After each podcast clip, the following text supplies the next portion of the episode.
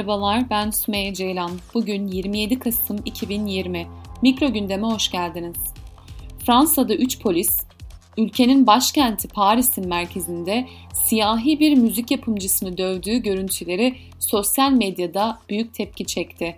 Fransız yetkililer görüntülerin ortaya çıkmasından sonra olaya karışan polisleri açığa aldı. Görüntülerde 3 polis memuru stüdyosuna giren bir adamı yumruk, tekme ve coplarıyla dakikalarca dövüyor. Görüntüyü yayınlayan Loopsider adlı internet sitesi şiddete uğrayan kişinin maske takmadığı gerekçesiyle polisler tarafından durdurulduğunu belirtti. Michel adıyla anılan müzik yapımcısı yaklaşık 5 dakika süren o anlarda ırkçı küfürlere de maruz kaldığını söyledi. Olayların ardından olayın ardından Michel gözaltına alındı. Ancak savcılık Michel hakkındaki suçlamayı kabul etmedi ve polis memurlarıyla ilgili inceleme başlattı. Perşembe günü avukatıyla birlikte polis merkezine gelerek şikayette bulunan Michel, beni koruması gereken kişiler tarafından saldırıya uğradım. Bunu hak edecek hiçbir şey yapmadım.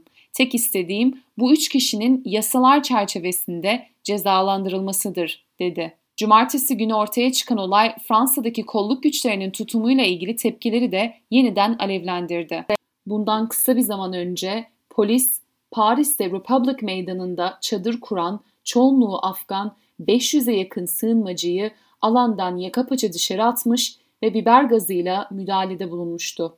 O sırada görüntü alan basın mensuplarını da darp etmişti. Fransız polisi gereksiz güç kullanımıyla eleştirilmişti. Bu arada Fransız hükümeti tartışmalı güvenlik yasa tasarısını meclisten geçirmek için yoğun bir çaba içerisinde. Tasarının 24. maddesi polis ve askerlere ait görüntülerin sosyal medyada paylaşılmasını suç olarak tanımlamayı getiriyor.